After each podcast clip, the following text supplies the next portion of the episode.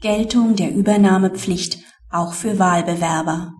Wahlbewerber genießen den uneingeschränkten Schutz des Paragraphen 15 Absatz 5 KSG.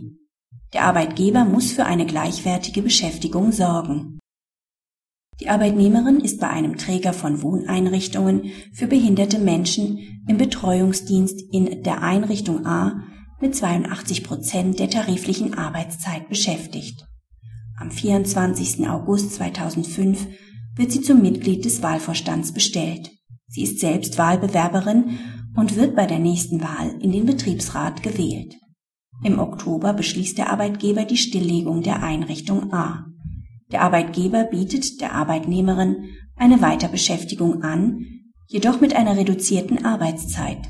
Mangels Einigung der Parteien kündigt der Arbeitgeber mit Schreiben vom 22. Dezember 2005 das Arbeitsverhältnis zum 30. Juni 2006 und bietet ihr ab dem 1. Juni 2006 eine Beschäftigung mit 46 Prozent der vollen Arbeitszeit an. Mit ihrer Klage macht die Arbeitnehmerin die Unwirksamkeit der Kündigung wegen Verstoßes gegen 15 Absatz 3 und Absatz 5 KSG geltend. Das Arbeitsgericht gibt der Klage statt, das Landesarbeitsgericht weist sie ab. Nach Ansicht des BAG ist die Kündigung nach 15 Absatz 3 Satz 1 KSG unzulässig.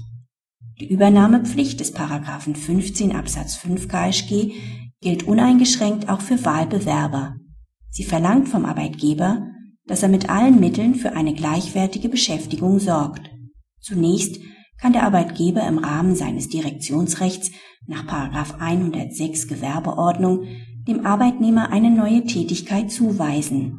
Reicht das Direktionsrecht jedoch nicht aus, was bei der Reduzierung der Arbeitszeit der Fall ist, und einigen sich die Parteien nicht, muss der Arbeitgeber die mögliche Weiterbeschäftigung im Rahmen einer Änderungskündigung anbieten. Ist ein gleichwertiger Arbeitsplatz mit einem nicht durch 15 KSG geschützten Arbeitnehmer besetzt, so muss der Arbeitgeber versuchen, diesen notfalls auch durch Kündigung dieses Arbeitnehmers freizumachen. In dem vorliegenden Fall war eine Arbeitnehmerin mit 80 Prozent der vollen Arbeitszeit in einer anderen Abteilung beschäftigt. Diese Arbeitnehmerin war sozial weniger schutzwürdig als die Wahlbewerberin. Nach der Auffassung des BAG hätte ihr Arbeitsplatz frei gekündigt werden müssen. Praxishinweis.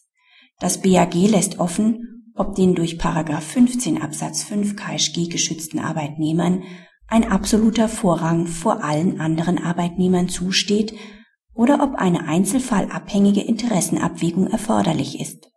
Nach Ansicht des BAG kann der Sonderkündigungsschutz jedoch nur in besonderen Konstellationen hinter den Belangen eines nicht geschützten Arbeitnehmers zurücktreten